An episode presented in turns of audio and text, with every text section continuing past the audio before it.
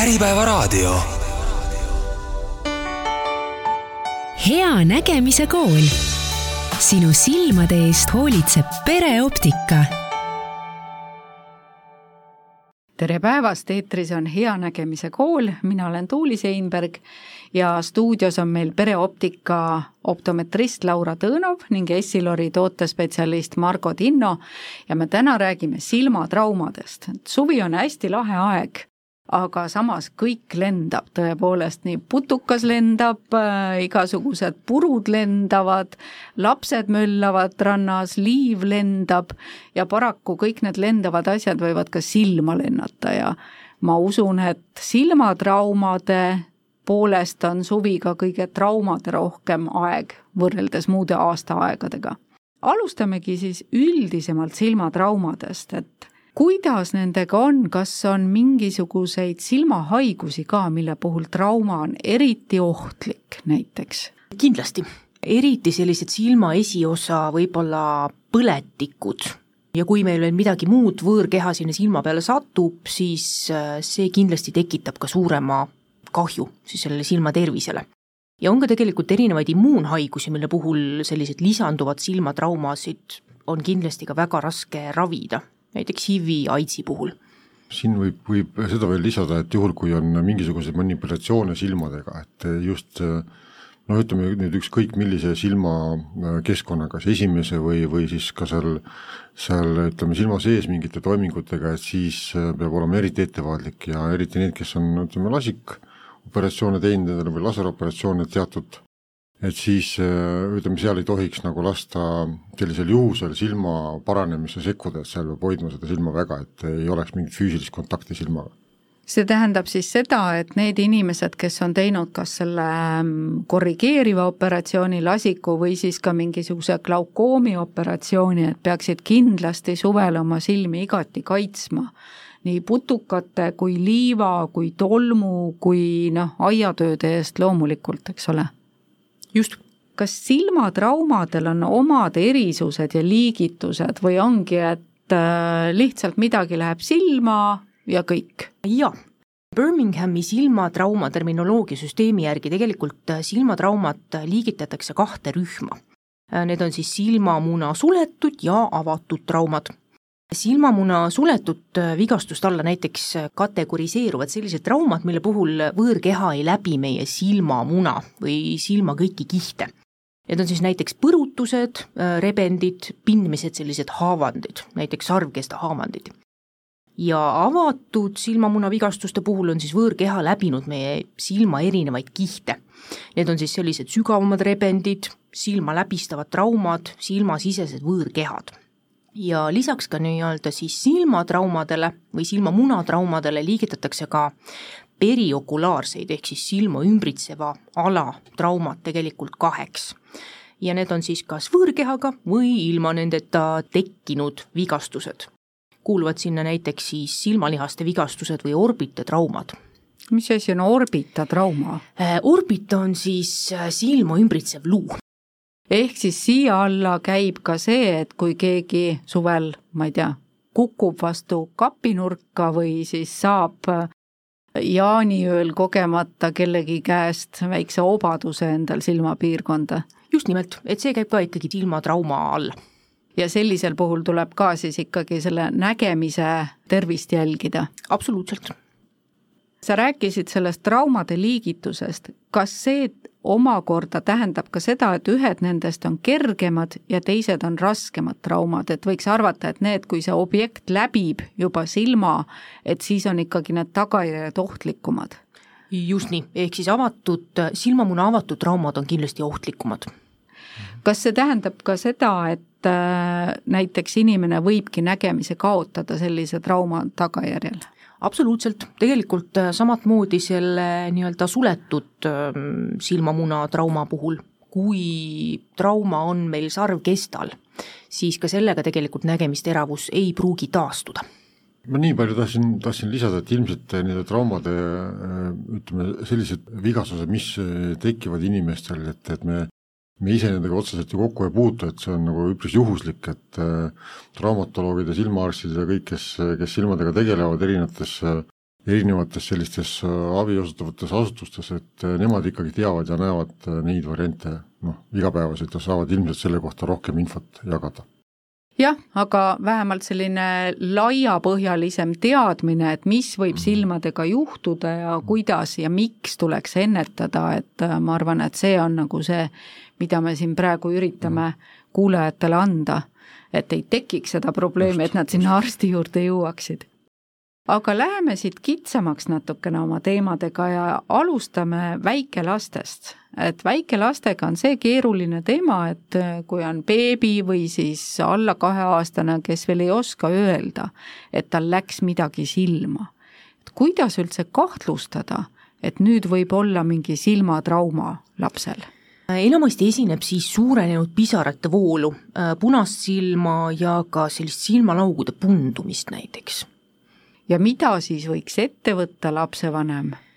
ma arvan, et väikelapsega ikkagi suhteliselt kiiresti tuleks pöörduda ikkagi EMO-sse kontrollida, võib olla tegemist mingisuguse kergema silmaärrituse, põletikuga, lastel esineb ka hästi palju näiteks äh, pisaratäpi sulgust, mis siis tegelikult ei ole trauma, pigem selline nii-öelda lapsepärane väike nii-öelda probleem ma tean sellist lugu, et äh, väikelapsel juhtus äh, just nimelt trauma, kodus oli purunenud klaas, keegi ei pannud tähele, et kus see laps selle, selle klaasikildudega kontakti sai, kõik koristati ära, aga mõne aja pärast, alles üks päev hiljem hakkas laps kogu aeg silma hõõruma.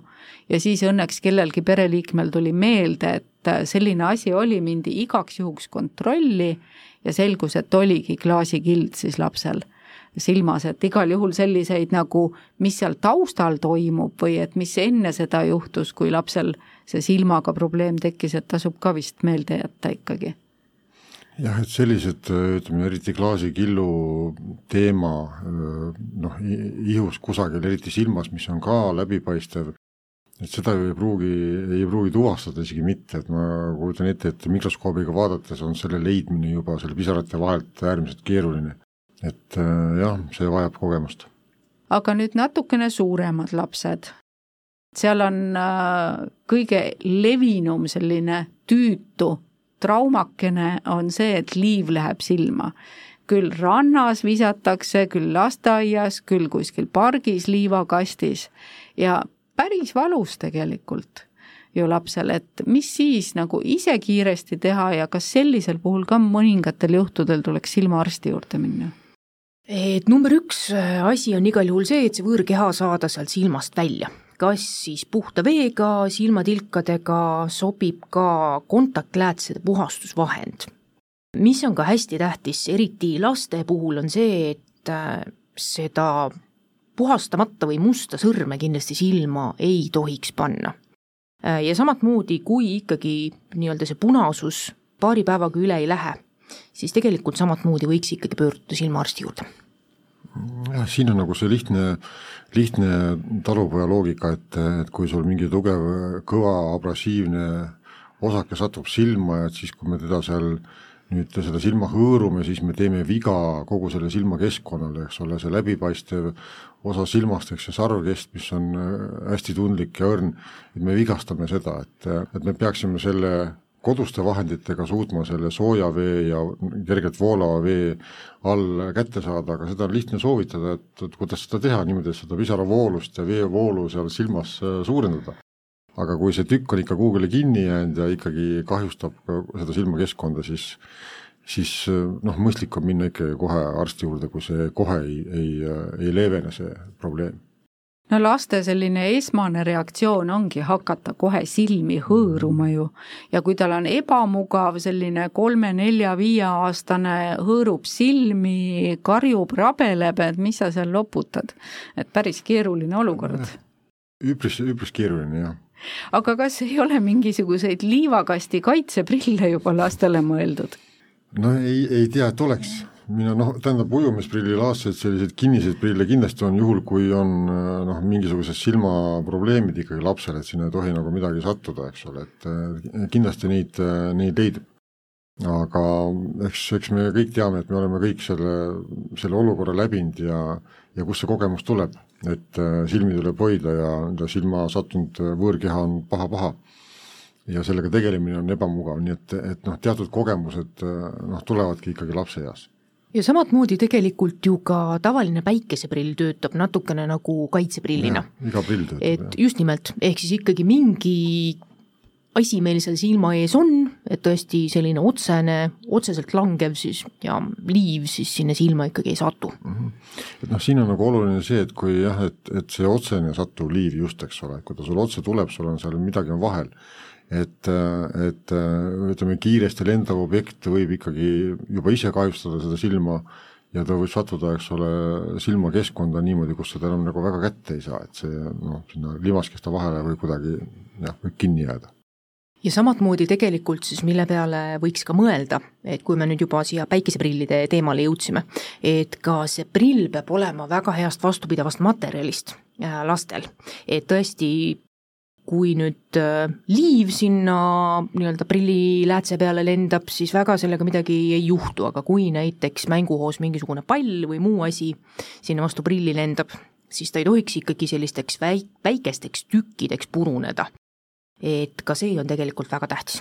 aga kuidas seda kontrollida, kas seal on ka mingisugune märgis äh, kuskil prilli peal, et äh, mis seda tugevust või seda, kuidas ta puruneb? Äh, otseselt mitte, et pigem on see nii-öelda materjal, millest ta tehtud on, et lastel on ka näiteks selliseid raame, mis on väga sellised nii-öelda fleksi, mida võib igale poole painutada. Need on ka siis nii-öelda purunemiskindlamad võrreldes sellise täitsa tavalise näiteks atsetaadi või tavalise mingisuguse niklisulami sulamiga võrreldes. Mhm. ja ütleme, läätse osas või klaaside osas, mis lastele mõeldud on, on ikkagi otseselt lastele suunatud läätsematerjal, ehk sihuke polükarbonaatmaterjal, mis on kerge, mis on väga tugev ja mis ongi mõeldud just äh, sellise arengufaasis olevale inimesele ehk noh, lastele sobiliku sellise kaalu ja tugevusega ehk igal juhul võiks hakata harjutama siis just nimelt suvel lapsi selle päikeseprilli kandmisega ja on ka need, mis käivad niimoodi ilusasti sellise elastse paela või rihmaga pea külge, et nad ei tule ka eest ära rüüstikul. et on väga-väga mugavad ja mõnusad absoluutselt. nojah, et, et siis tavaliselt on prillidele noh, võimalik panna, et mitte ainult nagu kummipael, et äh, suht väikestele lastele, eks ole, on see kumm mõeldud, aga sanga selline äh, spetsiaalne pikendus, mis hoiab teda kõrva nagu alumisest osast ka kinni, et see raam ei, ei kalduks sealt eest ära, et, et neid võimalusi abistada last on, on palju aga nüüd äh, natukene suuremad lapsed, koolilikud, esimene või teine kooliaste, no sellised tegelikult kõige suuremad rüüstikud, kõige liikuvamad, kes teevad juba sporti, kes igal pool tormavad, mängivad palli, sõidavad rattaga. kuidas nendega on, mis neil tegelikult on kõige suurem traumade, silmatraumade põhjustaja? eks ongi sellised põrutused, kukkumised, äh, sellised asjad kuna meil saate alguses oli juttu, et lendavatest osadest, siis osad lapse, lapsed ka lendavad, ütleme, nad tegutsevad niimoodi, et et, et sellel kolme-neljakümne kilosel lapsel, kes on hoos ja liikumises, eks ole, see, see on ikkagi suur jõud ja kui silma võtta arvesse, siis sellised lapsed dünaamikas võivad igasuguseid asju põhjustada, igasuguseid traumasid nii endale kui teistele, nii et et seal juhtub kui nüüd laps äh, näiteks jalgrattasõidul kukub kuidagi niimoodi pea või näopiirkonnaga kuhugi, noh, kiiver on äh, õnneks peas küll, aga ikkagi kaebab mingit silmavalu pärast või, või on noh, aru saada, et midagi on viltu või saab palliga näiteks vastu nägu siia silma alla, siis äh, mida vanem peaks jälgima just nägemise ja silmade tervise osas? Kindlasti võib äh, jälgida seda silmade koostööd, et äh, trauma võib olla ka silmaväline selles mõttes, et äh, silmalihase trauma mingisugune, et näiteks siis ilm kuhugi nii-öelda kõõritama näiteks ei hakka. samamoodi kissitamist, mm, samamoodi mingisugust punast silma kindlasti kontrollida. Ütleme, et see, see, kui laps saab palliga mööda nägu ja, ja ütleme, see tugev ja järsk survemuutus silmas ikkagi on, on traumeeriv selle silma enda sellisele keskkonnale. et seal võib olla see, et see, see viga võib avalduda alles hiljem, et, et noh, seda peab ka kuidagi jälgima, et noh, ütleme, mida laps teeb et ta ikkagi kuidagimoodi annab märku, et, et tal on mingi probleem, lihtsalt vanemad peaksid nagu nägema, siis kui on teada, et mingi, midagi on juhtunud ja selle teemaga on nagu tegeldud, et kas see leeveneb ka kuidagimoodi. Et või, või eks ole, jääb mingisugune lisaliigutus lapsel juurde, mida ta teeb, et siis on vaja kindlasti seda kontrollida, miks see põhjustatud, millest see põhjustatud on. kui pika aja jooksul peaks siis jälgima? no raske öelda, sõltub traumast, sõltub põrutusest, sõltub sellest survest, mis silm saab, eks ole, et eh, nii põrutus peale kui põrutus otseles, otseselt silmale palli näol no, põhjustab erinevaid eh, probleeme. Et noh, põrutuste poolest üldse on, on, on see, et, et me kunagi päris täpselt ei tea, mismoodi ta avaldub, et eh, noh, seal peabki vaatama, et, et lapsel on on näos, silmad näevad normaalsed välja, pupillid on normaalsed, seesama kõõrtsilmsus on äh, seda ei ole, eks ole, et, et kõik on normaalne, siis tegelikult ongi normaalne ja laps ei kurda ka millegi üle, siis on hästi. Nüüd veel nendest ähm, prillidest ka, et kui laps on prillikandja ja siis tal on prillid ees ja siis saab näiteks palliga, kas on siis päikseprillid või, või tavalised äh, korrigeerivad prillid ees kas need raamid ja prilliklaasid võivad omakorda mingi trauma või sellise surve mm, asja tekitada? absoluutselt, eriti kui nad äh, näos kuskil purunevad noh, seal võib olla ka see, et kui nad näos purunevad, tähendab seda, et nad on, nad on jälle hetkeliselt äh, surunud vastu nägu teatud äh, osadele, et seal pisarikanalid ja, ja, ja muud sellised silmi ümbritsevad alad on hästi õrnad hästi tundlikud ja, ja no vot seal peab vaatama jälle seda, et just eriti selle, nende, kogu selle pisaratöö ja, ja see närvide töö, et, et seal ikkagi ei oleks nagu mingisugust sellist äh, lisa sellist noh, mingit probleemi näha, et äh, kui tursed alla annavad ja armid alla ära kaovad, need kerged sellised verevalumid, et siis tegelikult ei ole nagu noh, ei ole ilmselt põhjust muretsemiseks aga võtame veel ühe sellise vastiku asja, vastiku trauma, näiteks kui herilane või vapsik nõelab last silmapiirkonda, mis siis teha, mis siis üldse võib juhtuda?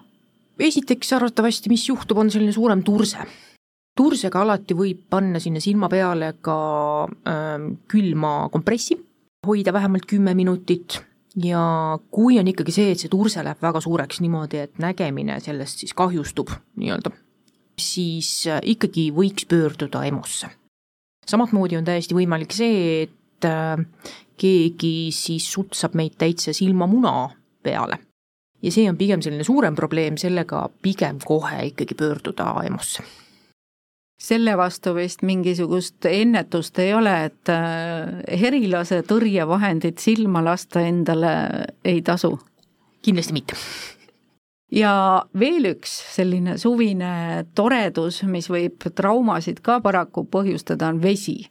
et kõik lapsed armastavad vees möllata, me oleme siin saadetes rääkinud tegelikult sellest, et et vees võiks kanda ikkagi ka ujumisprille. Aga mis on need ohud siis, mille vastu ennast ujumisprillidega vees kaitsta?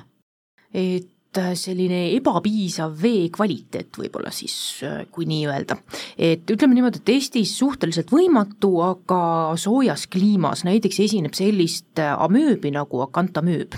teda on tavaliselt sellises magevees, merevees, tiigis, samas teda on leitud ka klooriveest, et on selline väga nii-öelda vastupidav.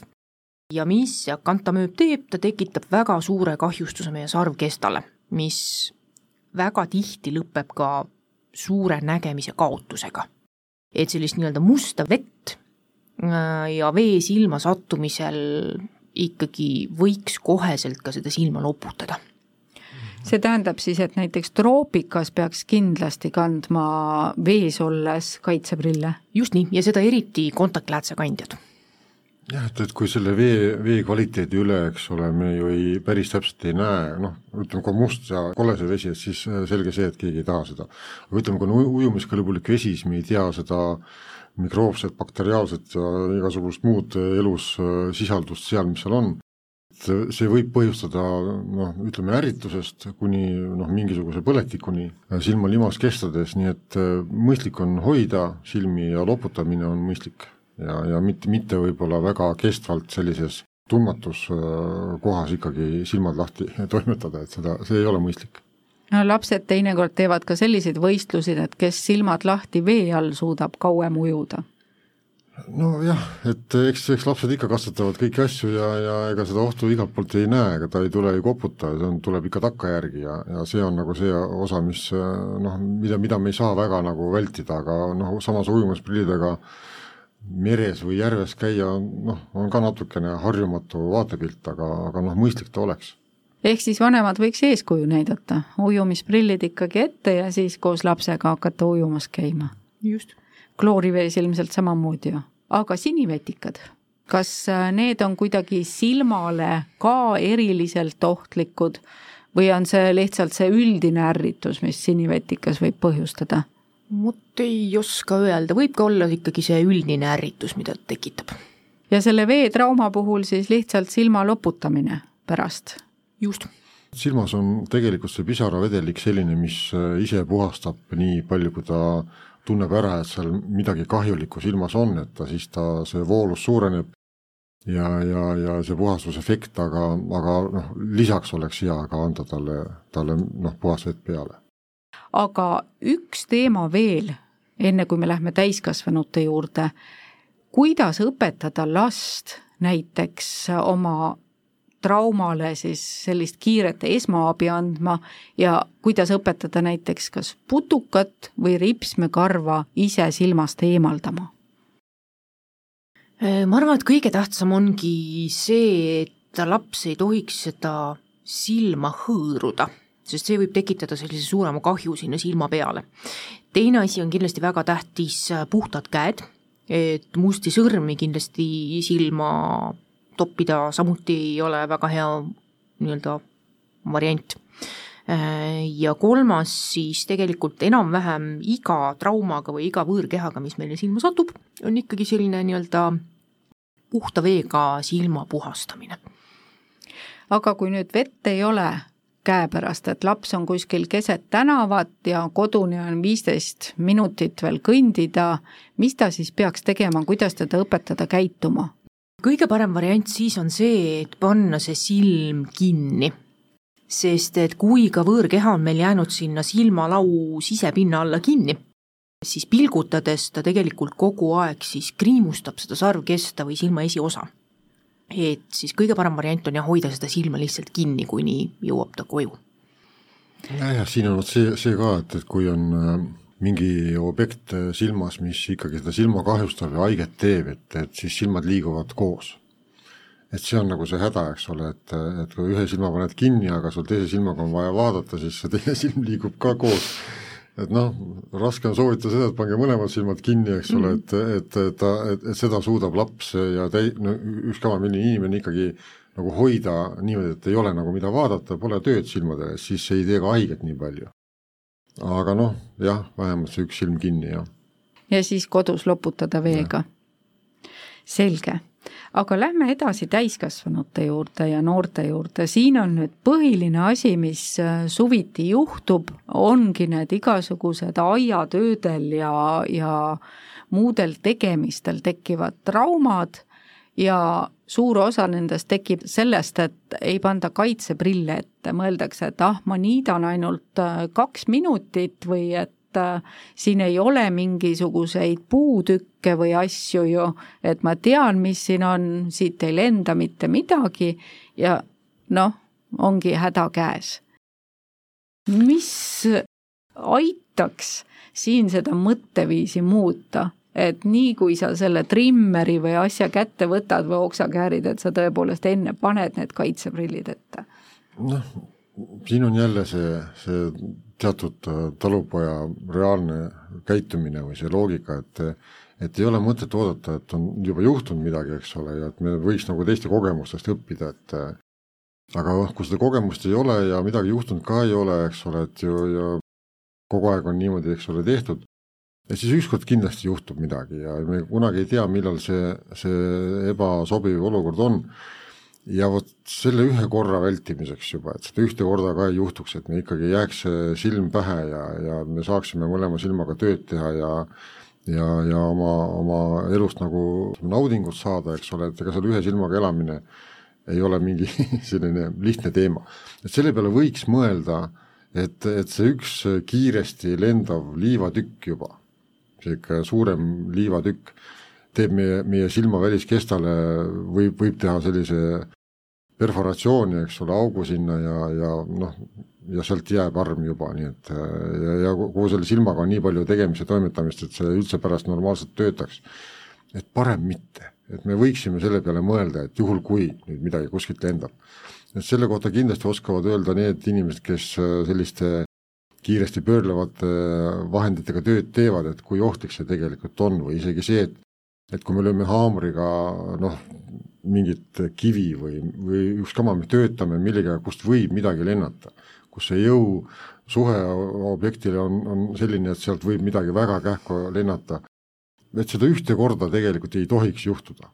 et seda lihtsalt ei ole vaja, et pange see prill ette, kas või äh, läbipaistev tavaline prill, juhul kui on, kui ei ole, no kaitseprilli võiks ikkagi olla mingisugune hele, ehituspoodides müüakse ja, ja, ja katab suurt osa nägu, nii et äh, ma soovitan ikkagi selle väikse investeeringu teha, et, et ennast kaitsta sa mainisid siin neid erinevaid äh, tegemisi ja töid ka, et võib-olla ongi huvitav ka teada, et oskaks mõelda, et milliste tööde puhul üldse võiks neid kaitseprille kanda, et üks asi, mis ma arvan, et on enamusel teada, on see trimmerdamine mm, -hmm. aga tegelikult on ju neid palju. no ongi kõik, kõik tööd, kus kohas me küllaltki tugeva jõuga mingisugust kas suuremat või väiksemat objekti mõjutame, et ehk siis kas siis haamriga või või kuvaldaga või, või mingisuguse muu tööriistaga, eks neid ketassaage ja lõikureid, nurklõikureid ja kõik, kõike on ju, ju palju ja lihvijaid ja, ja mida iganes, igal pool, kus mingi asi ringi käib, igal pool, kus mingi asi kiiresti maandub kuhugile, sealt alati võib midagi lennata, midagi väikest. nii et äh, ütleme, kõikide ehitustööde juures, ka kõikide aiatööde juures, kus kus meil on okstega tegemist, et, et see tagasi vibutav oks kusagilt, mis pääseb, see on samuti väga ohtlik just silma jaoks, silm on väga õrn optiline keskkond ja, ja sinna piisab üpris vähesest, et omale sellist pikaks ajaks ebamugavust tekitada kaitseprillid ei ole ka kõik nii-öelda võrdsetena sündinud, et on paremaid, on nirumaid. millised on need paremad kaitseprillid, et äh, millest juhinduda nende valikul? et kui inimesel on esiteks nägemine korras, tal ei ole prille, aga ka siis, kui inimesel juba on mingisugused äh, prillid olemas? kaitseprillidel on tegelikult niimoodi, et neil on olemas äh, Euroopa standard, et nad peavad siis vastupidavad olema erinevatele kriimustustele ja nii-öelda siis purunemisele. et kindlasti tuleks otsida mingisugust sertifikaati, mis seal peal on. aga see siis äh, samuti sertifikaadi number, äh, tähistus oleneb sellest, et mis tööd tehakse ütleme, et see on nagu see, et, et kui, kui täpselt mingisuguse tegevuse jaoks on, on vaja, eks ole, kaitseprillide, te eeldate juba, et et ähm, seal oht on noh, kõrgendatud äh, kujul olemas, eks ole, noh, trimmerid ja, ja muud pöörlevad vahendid ja aga igasugune prill, mis on mõeldud nagu kaitseprillina, nii ütleme just enne mainisid ehituspoed ja, ja kõik kauplused, mis müüvad äh, ehitajatele tarbeid.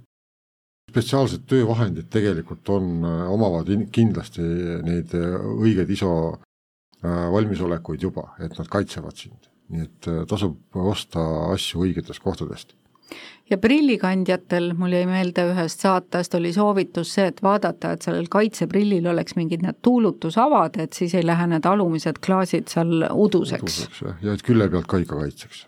just, et neid kaitseprille on selles mõttes väga palju erinevaid.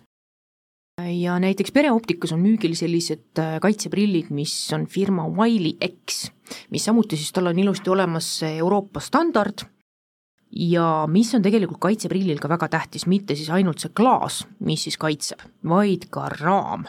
et see oleks samuti väga vastupidav ja ta sobiks siis selle nii-öelda valitud äh, klaasiga, mis seal siis sees on.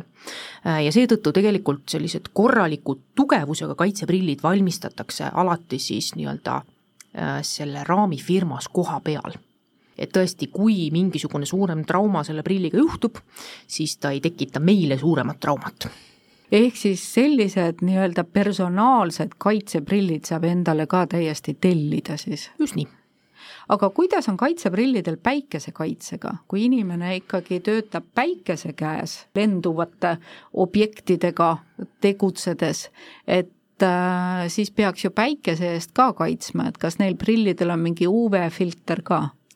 Ja ikka, et äh, klaasivalik samamoodi on väga suur, saab erinevaid ühendusastmeid, erinevaid materjale, erinevaid pinnakatteid, isetumenevaid, polariseeritud ja nii edasi mm. -hmm. aga nendel ehituspoe kaitseprillidel, nendel see UV-kaitse vist puudub? ütleme, lihtsamatel variantidel ei ole jah, et nad on ikkagi mõeldud ütleme, sisetöödeks või, või et see ongi see, et, et, et on vaja leida omale need prillid vastavalt sellele, kus me ja, ja millega me tegutseme.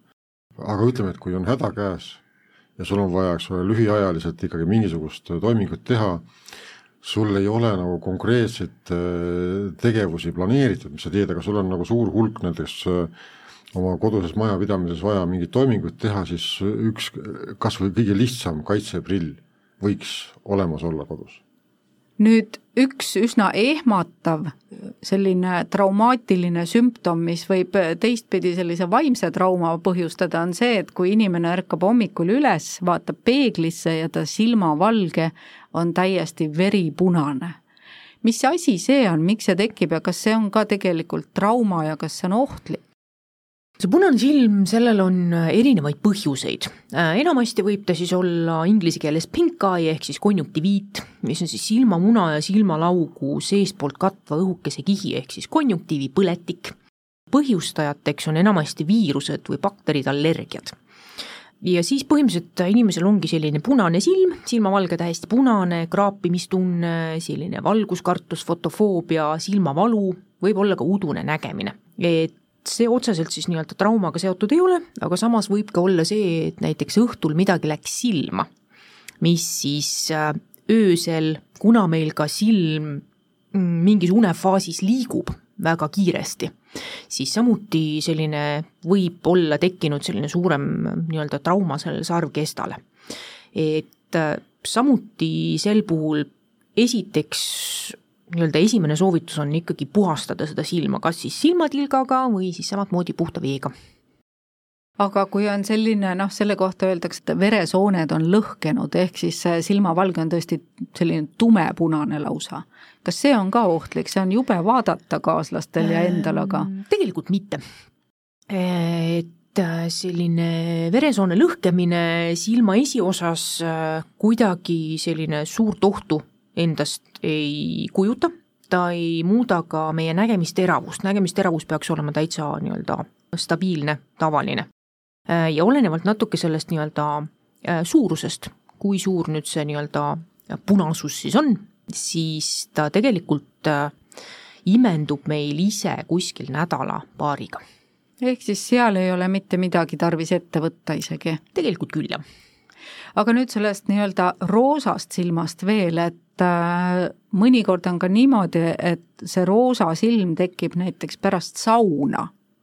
kas see on ka mingisugusest ülepingutusest märk või äh, on see täiesti mingi selline harilik reaktsioon, millele ei peaks tähelepanu pööramagi? Äh, tegelikult on niimoodi, et saun kuivatab meie silma ja kui meil on juba ka muidu eos selline kuiva silma sündroom, siis see saun kuivatab omakorda seda silma ja siis see silm võib olla päris punane.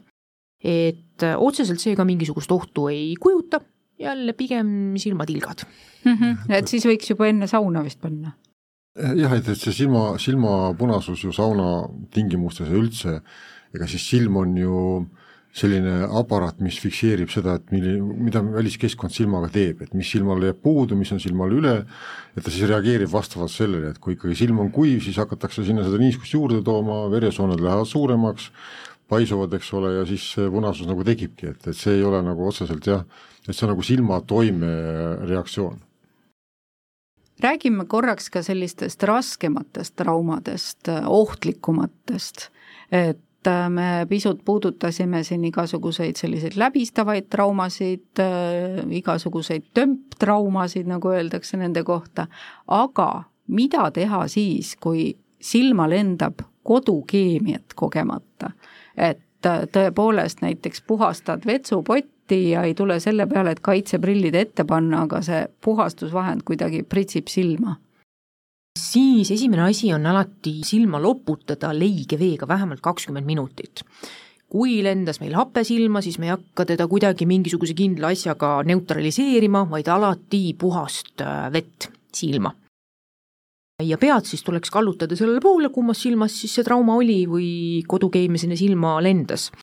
siis kindlasti tuleb puhastada käed, et meil ei oleks käed selle keemiaga koos ja ka kindlasti kontaktläätsed silmast eemaldada aga pärast seda, kas tuleks minna ka kiiresti EMO-sse äh,? siis ikka EMO-sse, mis ma soovitan, soovitan võtta siis selle puhastusvahendi või kodukeemia pudeliga kaasa, et siis nad täpselt teavad, mis tegema peab ja selle vältimiseks võiks kodus ka prillid ees olla? just nii, et tegelikult need inimesed, kes on siis prillikandjad, neil on enamasti see prill ees ja nad on ka rohkem kaitstud.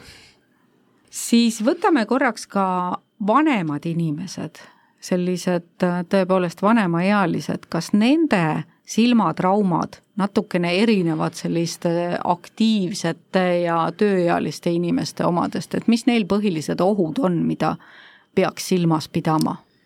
otseselt väga vist mitte, ma pigem arvan, et äh, esineb ka rohkem selliseid põrutusi, äh, kukkumisi, millega lihtsalt arvestama peab, kui on mingisugune mm, selline suurem silmatrauma, siis vanemas eas lihtsalt need äh, koed, rakud paranevad ka äh, raskemini. ja kindlasti nii-öelda siis see paranemine võtab rohkem aega.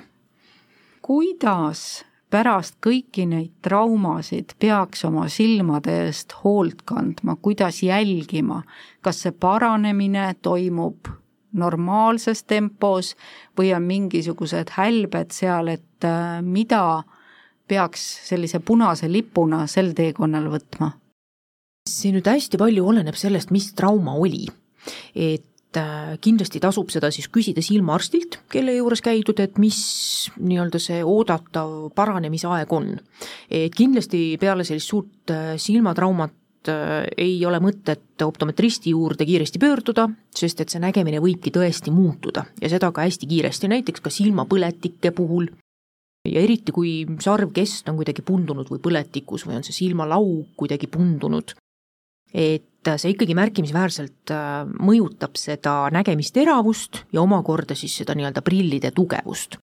et äh, kindlasti selline nii-öelda ohumärk on ikkagi see nii-öelda nägemise kiire halvenemine, silmade koostöö halvenemine, võib-olla selline sügavustaju halvenemine, samamoodi mingisugune kõõrituse tekkimine, sellised asjad.